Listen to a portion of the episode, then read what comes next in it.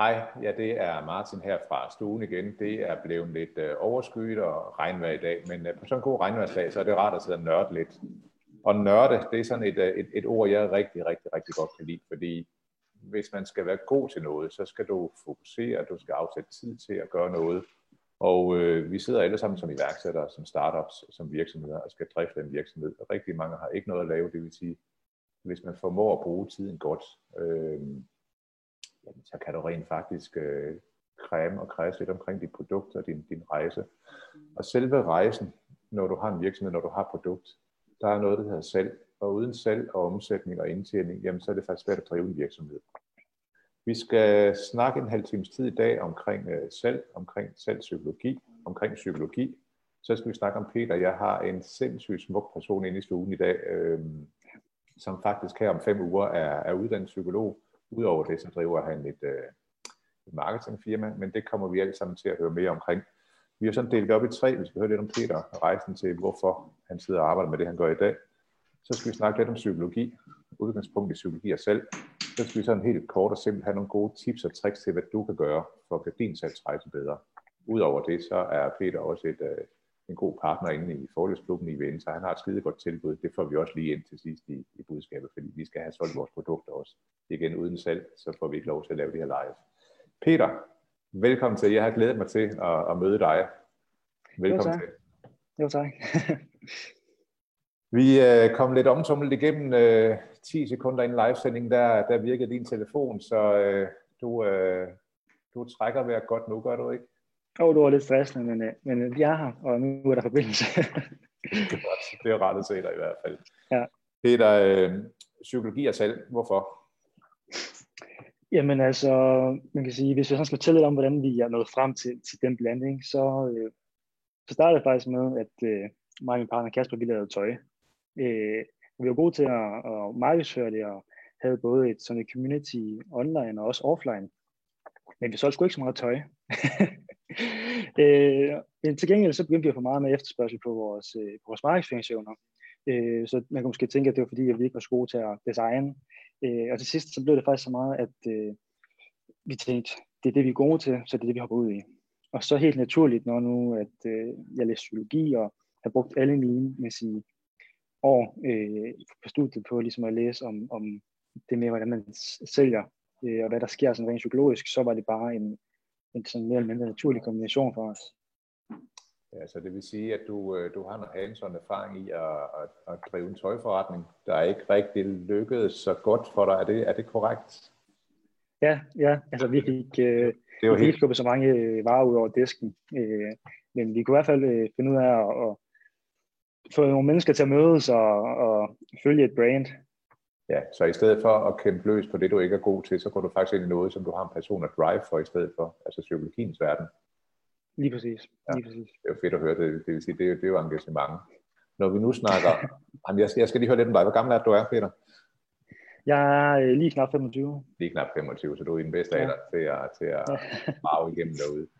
Øhm, er det en, øh, og når du nu bliver færdig med din, øh, med din uddannelse her, er det en, er det en standard alder, man er 25 som uddannet psykolog? Øh, jeg vil nok sige, at jeg er nok i den lave ende, øh, i den lave ende øh, sådan aldersmæssigt. Ja. Øh, og jeg vil nok også være ærlig at sige, at det nok ikke er heller er studiet, der har brugt det, det meste af min tid på. Sådan en, en, en virksomhed, den kan godt tage nogle gange sådan, når man kan blive helt begravet i alt det arbejde, øh, der er med virksomheden, når man er så passioneret, og så bliver, så bliver studiet lidt sådan et, et, et weekendsprojekt, der lige holder en lidt skarp. Okay, nu, nu, nu sidder du sådan set dem, og er lidt dem, der er, hvor lang, hvor lang tid tager der læse til, til psykolog?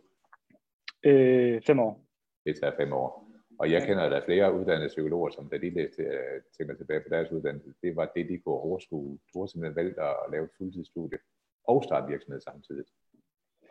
Ja, og vi får også, altså der er tit så folk, der spørger, hvordan øh, hænger det overhovedet sammen, også sådan rent som altså, psykolog og, og markedsføring. Øh, men når nu, at man kan bruge al den viden, man får øh, på sit studie, direkte anvendeligt i både ens egen man sige, salg og marketing, men også vores samarbejdspartner salg og marketing, så giver det sindssygt god mening.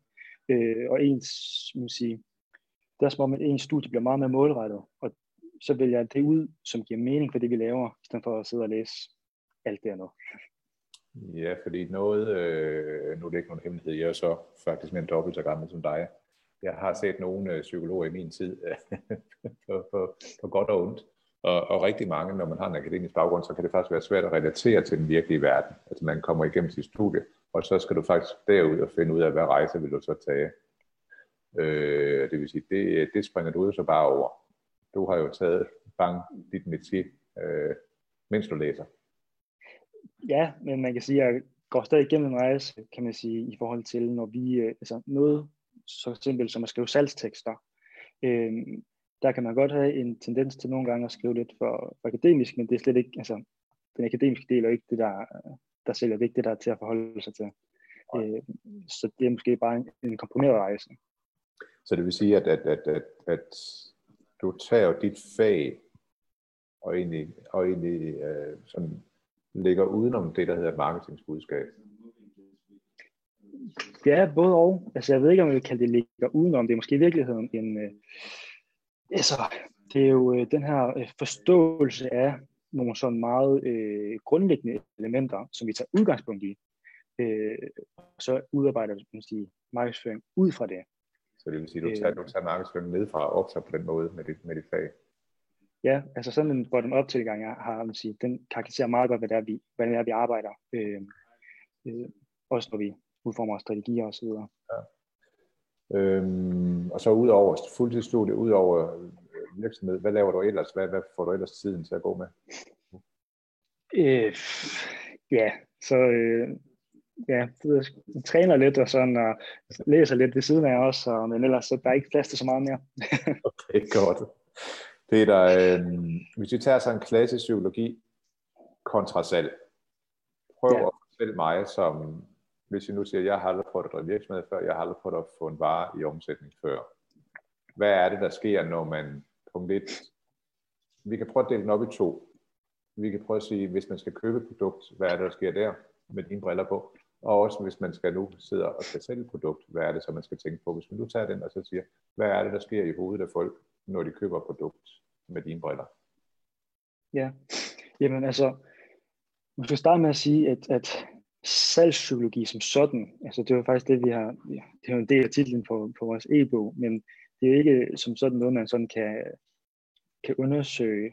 Øh, det vi sådan delt op i, det er beslutningsprocesser, øh, eller det, som der er nok mange, der, der kender, der hedder persuasion. Men i, i forhold til beslutningsprocesser, så, øh, så er der jo mange ting, der influerer vores valg. Øh, og sådan rent psykologisk arbejder vi ud fra, at øh, man har man kan sige, et funktionelt, altså det, kan, det, vi kalder et functional need, eller et expressive need. Og derover så er der andre øh, ting, der spiller ind, såsom øh, pris og, og brand, som også lidt er en, en af, sige, afbrækning af de to. Øh, så vi plejer at sige, at øh, det kommer an på selvfølgelig, hvem, hvem øh, man sige, kunden er, og hvad produktet er. Øh, men vi bruger som regel øh, en liter mælk som, øh, som et eksempel okay, på, at, øh, det mælk, man tager, det er sådan et, et dagligt behov. Ja, lige præcis. Jamen, så lad, øh, så, så lad os tage, øh, jeg, jeg, jeg drikker mælk til en havregryn hver morgen, det har jeg gjort i 40 år. Så fortæl min kunderejse, hvorfor jeg køber den mælk, jeg nu gør. Men altså, som regel, så nu, det er faktisk lidt lettere at fortælle fra, fra min egen, øh, så når det. det er mig selv, der kommer ned. Øh, fordi at, øh, for mig, når jeg kommer ned og kigger, så øh, jeg vælger udelukkende mælk ud fra, fra pris. Det vil sige, ja. det er den stil, jeg vægter allerhøjest. Derudover så, så er der en eller, anden, en eller anden funktion i det, at det skal have en smag, der smager af mælk. Øh, altså der er, øh, altså, der er en grund til, at vi køber det. Øh, og som regel så er det Remas egen øh, mælk, der er den billigste. Så det er den vælger, fordi jeg vægter øh, pris højst, når det kommer til mælk. Øh, til gengæld, så synes jeg, at øh, tisemælk, det smager bedre end Remas egen mælk. Men tisemælk, det er dyrere, Øh, så derfor vælger jeg simpelthen ikke at købe det, fordi jeg vægter prisen højst. Men havde jeg nu vægtet den funktionelle del, eller, man sige, af, eller expressive del af, at smagen er bedre, højere end pris, så havde jeg nok valgt tissemælk. Det ved jeg for eksempel, at min mormor for de gør. Øh, men kan man så sige, hvis nu, at det, man skulle vælge mellem en tisemælk og en arlemælk, de har samme smag, de har samme pris. Derfor den mælk vil man så vælge. Jeg har nok valgt Arla, og der har jeg valgt, det har jeg gjort udelukkende ud fra brand. Øhm, og det er, fordi jeg sådan personligt bedst resonerer med deres brand. Så på den måde, så kan vi sådan lære nogle forskellige ting oven på hinanden, og hvad er det så for nogle man sige, ting, man vægter højst i sin beslutningsproces. Øh, og det er der, det handler om at lære sin man sige, målgruppe at kende, fordi øh, der er ikke nogen mennesker, der er ens. Mm. Og det vil sige, at, at det, er jo, det er jo set fra en kundes, altså den, der kunder, den der kunde i mm. forhold til en liter mælk, en lead for, for sin mælk til sin havregryn om morgenen. Der, der kan være rigtig mange årsager til det, og det vil sige, der skal man så målrette sit produkt, fordi i min verden, så kommer mælken jo fra en ko, og mælk er vel mælk, faktisk. Men du... Ja, hvad for, hvad for mælk køber du? Jamen, jeg gør lidt det samme. Jeg tager altid den billigste, ikke økologisk ja. øh, og alt muligt. Øh, altså, ja, og jeg er blevet over 50, så jeg har det fint med det. Øh, og det vil sige, at jeg har det samme som dig. Det er prisen, der egentlig, der egentlig bærer der.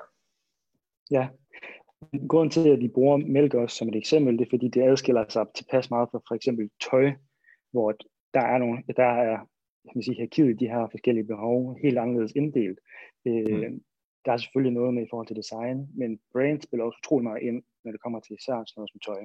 Ja. Øh, og det har så også noget at gøre med, hvor man bruger produktet hen. Altså, øh, tøj er noget, man bruger i sociale sige, miljøer, det har en eller anden form for repræsentation af, hvem man er som person og identitetsskabende, hvor mælk det er noget, man drikker derhjemme, som regel for sig selv eller med sin nærmeste familie.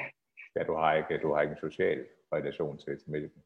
Som så. Ikke på samme måde, og på, den, og på den måde, så bliver brand prioriteret lavere eksempelvis.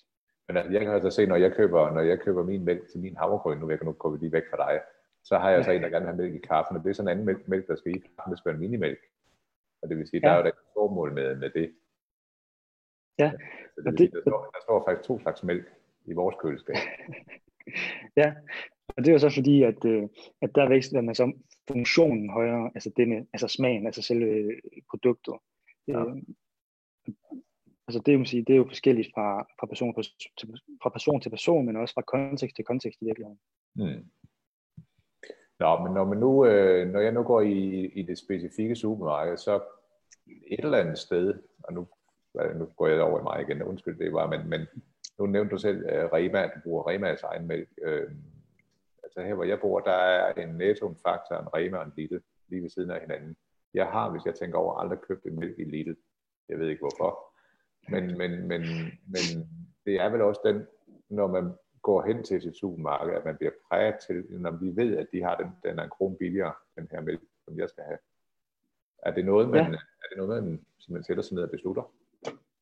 Nej, altså man kan sige, øh, når vi tager sådan nogle beslutninger, som egentlig er mere eller mindre irrelevante, men har en eller anden, altså selvfølgelig baseret på nogle erfaringer, så er det fordi, at øh, vi har det, der hedder heustikker, øh, og det er noget, alle mennesker har, og det er sådan nogle, man kan kalde det sådan let tilgængelig viden, som vi bruger til at, at tage hurtige beslutninger, mm. øh, uden at bruge for meget kognitiv energi. Og det er simpelthen fordi, at, øh, og det er et resultat af evolution i virkeligheden, at man øh, skal bruge så lidt energi øh, som muligt. Øh, og derfor har man ligesom de her øh, sige, tommelfingerregler, man kan trække på, så du ikke skal stå og have en eksisten, eksisten, eksistentiel krise over, om du skal gå i Lidl eller om du skal gå i Rema. Mm. Øh, så kan du tage en hurtig beslutning. Ja. Øh, og det er også ligesom det, der er med til at, at skabe vaner. Men så kan man så sige, hvis nu du så på et tidspunkt alligevel kommer til at købe en mælk i Lidl, så vil du ligesom opleve, at hvis vi går ud fra, at det var en lige så god oplevelse som den i Rema, øh, så vil de her justikker ligesom øh, sandsynligvis blive ændret. Øh, og så vil du også kunne finde på at gå lidt sen på et senere tidspunkt at købe mælk, uden nødvendigvis at, at tænke over det. Øh, det vil sige, den, den priming, man har med, at den mælk, som jeg er vant til at købe i Rema, den kan man rent godt, faktisk godt få påvirket ved at få en positiv oplevelse, der egentlig overskygger sine vaner, sine rutiner. Ja, helt sikkert. Og apropos Lidl, så ved jeg, at de har kørt sådan en, en, øh, en kampagne, hvor de har det der, der hedder Lidl overrasker, hvor de har fået nogle kokke til at lave noget helt sindssygt mad med, med råvarer fra Lidl. Øh, og det er jo også et forsøg på at, i hvert fald at prøve at få folk ind, selvfølgelig for at, at købe deres varer, men også for at få den der oplevelse af, Lidl har egentlig noget øh, god kvalitet, øh, så der kan jeg lige så godt tænke, altså, sådan, altså, uden, altså få det så ned i sådan en, øh, få det gjort til en talking, eller man tager lidt ved, øh, for at købe varer til god mad, øh, uden at man behøver at tænke for meget over det. Ja. Det er jo noget, når man, øh, når man er, og det er jo igen det fra forbrugerens synspunkt, det er, når man nu sidder og skal ud og købe sin dagligvarer.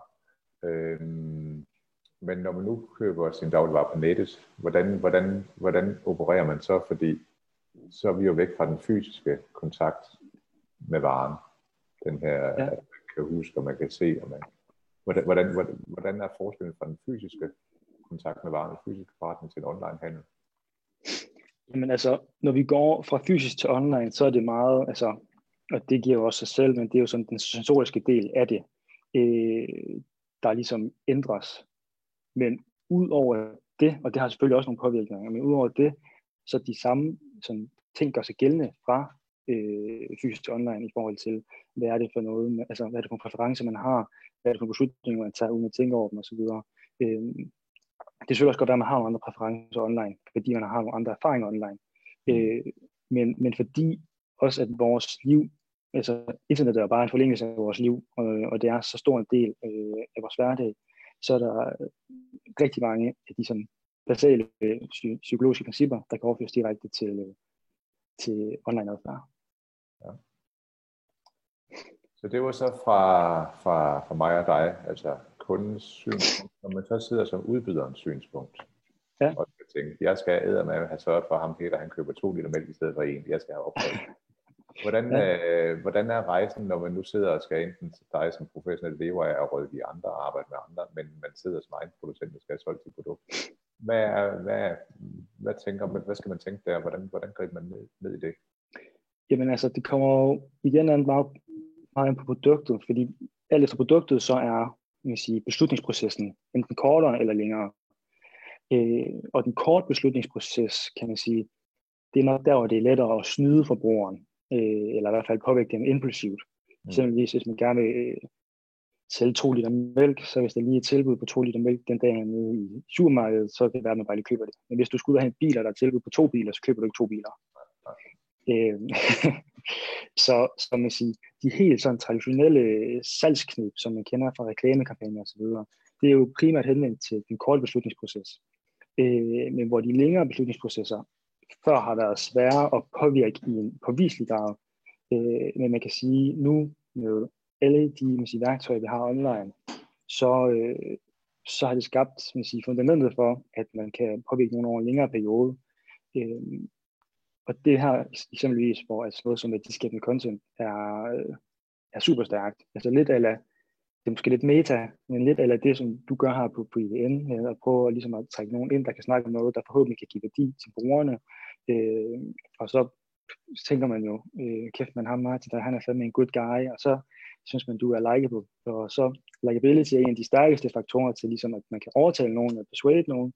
Øh, og så vil du så sige, hey, øh, bliver medlem af IVN, jamen så, øh, så er der langt større chance for, at der rent faktisk er nogen, der konverterer.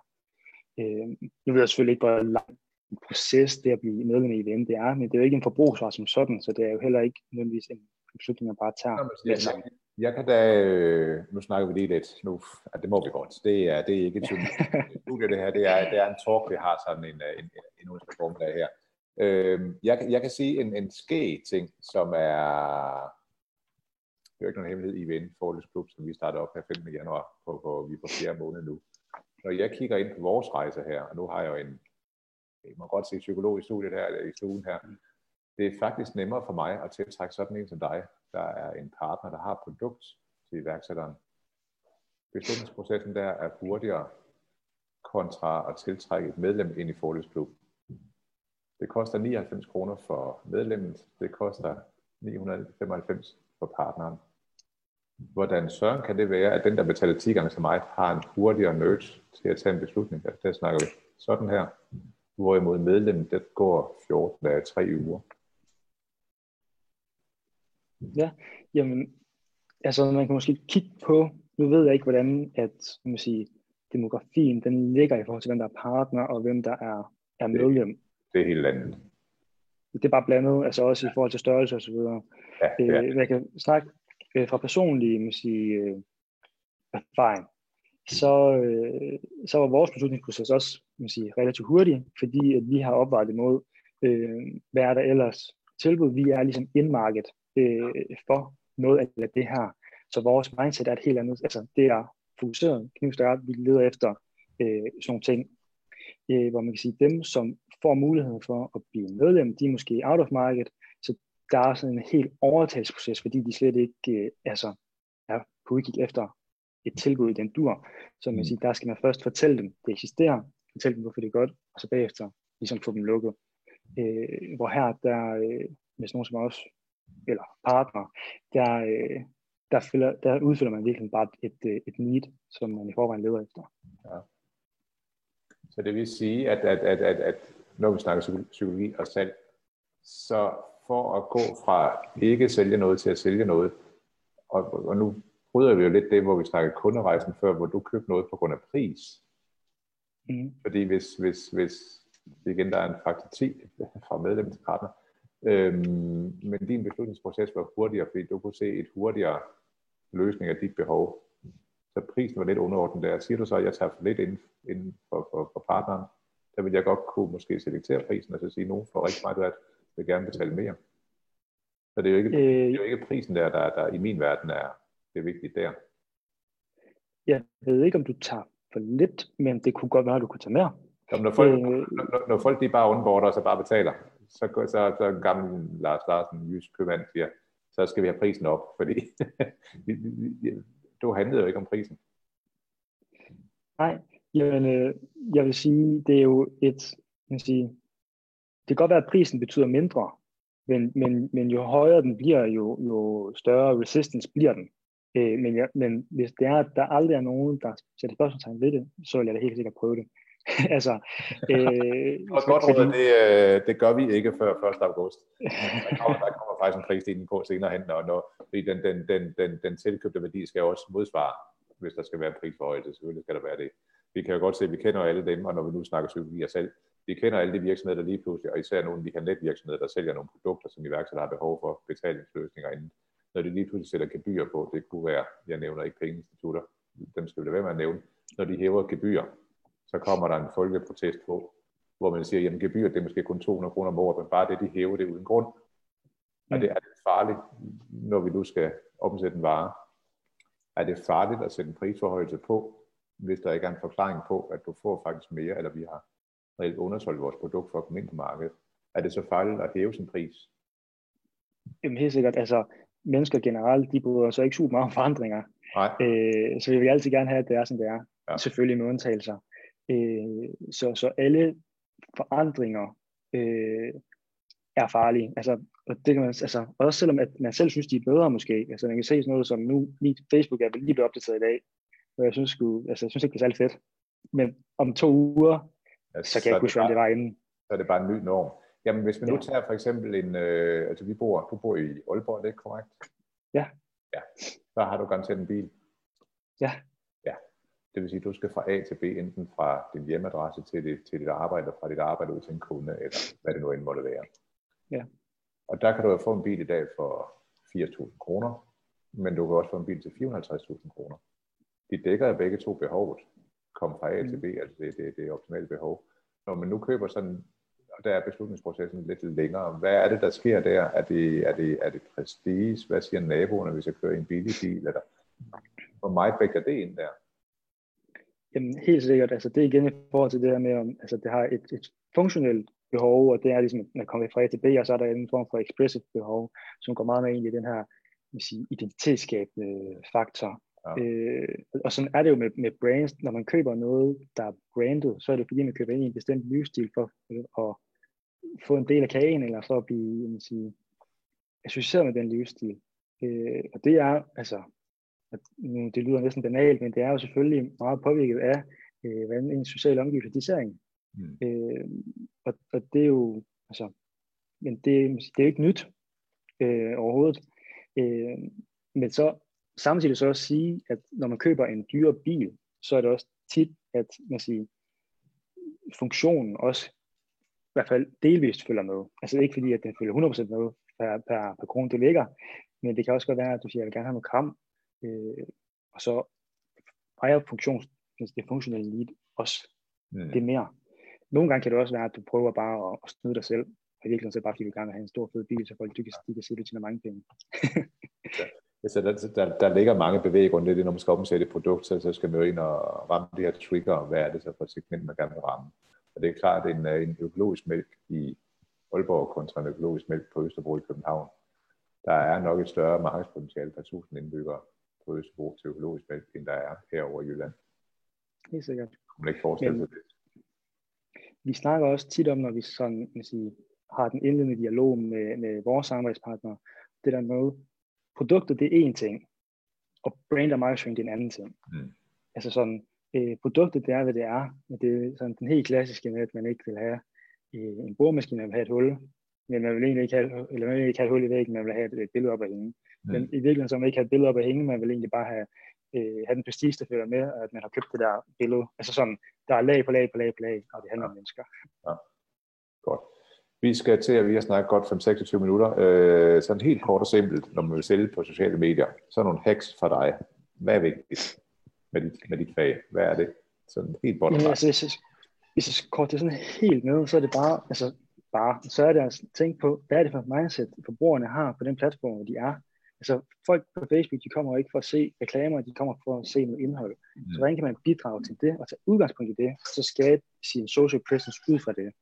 Øh, og så en tommelfingerregel er, at altså, likability, det med at være likable, det er virkelig det vigtigste øh, i forhold til at overtage folk. Så lav noget indhold, der skal have positive associationer, og lad være med at prøve på for mange budskaber ind i en ting ad gangen, fordi mennesker kan lige ikke, altså vores forkommelse øh, er virkelig sløset og upræcis. Mm. Så det handler om, om en, en positiv association, der skaber en, en, en følelse, man kan huske. Øh, og så bare ja, være likeable og bidrage til til det, der ligesom sker organisk i forvejen, og det mindset, der er på platformen. Ja, fedt. Så det her med, at øh, vi rent faktisk i opslaget her ovenover, der har du skrevet, og du har lavet en sindssygt skarp e-bog omkring salgspsykologi. Det er ja. det, og, og den er kvitterfri og gratis, så det vil sige, det er faktisk for mange budskaber i et, fordi når vi sidder og snakker salgspsykologi, det kunne vi godt have delt i to. Ja, det kunne vi. vi kunne også dele det meget mere. I, i, I flere bidder. Ja, i princippet. Ja. Så, øh, og det er jo godt, fordi vi, vi sidder jo her som produktformidler, som produktmager, og gerne vil med alle de her herligheder. Så, så dine ord, og, og så slutter vi af, Peter, dine ord, det er så simpelt budskab som muligt, og et budskab ad gangen. Er det korrekt? Ja, og så så meget som muligt. Altså, så længe det er værdiskabende og relevant. Og det er jo altid en, en, en hårfin balance, hvornår er noget for mig, og hvornår er noget for lidt. Øhm, ja. Det kan man i hvert fald sige. Nu fik jeg nogle gode, øh, nogle gode prisintentioner øh, fra din side af den her, af den her halv time tid, at øh, så lang tid kunden ikke brokker sig, bøf prisen op. Var det ikke det, du sagde? Og delvist. Men jeg har det også, vi har det også sådan, øh, vi er altid sådan, øh, det kan godt være, at vi har øh, nogle ting at trække på, men i sidste ende, så altid test altid. Ja, så det vil sige, at man kunne rent faktisk godt differentiere et produkt til et marked til en pris, og, og så prøve et andet, altså smide nogle flere fordele på til en anden pris til et andet marked, for at prøve at se, hvad virker bedst. Ja, eksempelvis. Fedt. Peter, det var fantastisk at have dig igennem. Det, det var kort, og øh, de billeder er fantastiske herinde. Det er ikke super godt. Vi er i gang med at lave en podcast, fordi jeg har hørt, at man skal være på flere kanaler. Så vi er i gang med at arbejde med at få dem her ud som podcast også. Og der er lyden faktisk ganske god på, så den, den kan du godt have med dig i dag. Peter, tak for en, uh, en god introduktion til, til, til området. Det var selv tak. Hej med dig, og tak til jer, der kiggede med. Uh, hvis I har nogle spørgsmål omkring salgspsykologi og andet, så ved jeg, at Peter han ser klar i feeden. Bare stille spørgsmål hen over, hen over dagen her, så skal han nok svare. Kan I uh, have en fremragende god dag, og det er regnvejr hernede i Randers i hvert fald, så uh, I kan godt nørde og gå ind, læse hans e-bog. Så tag den alligevel, selvom der er flere budskaber. Jeg siger tak for i dag. Vi snakkes ved senere. Hej hej.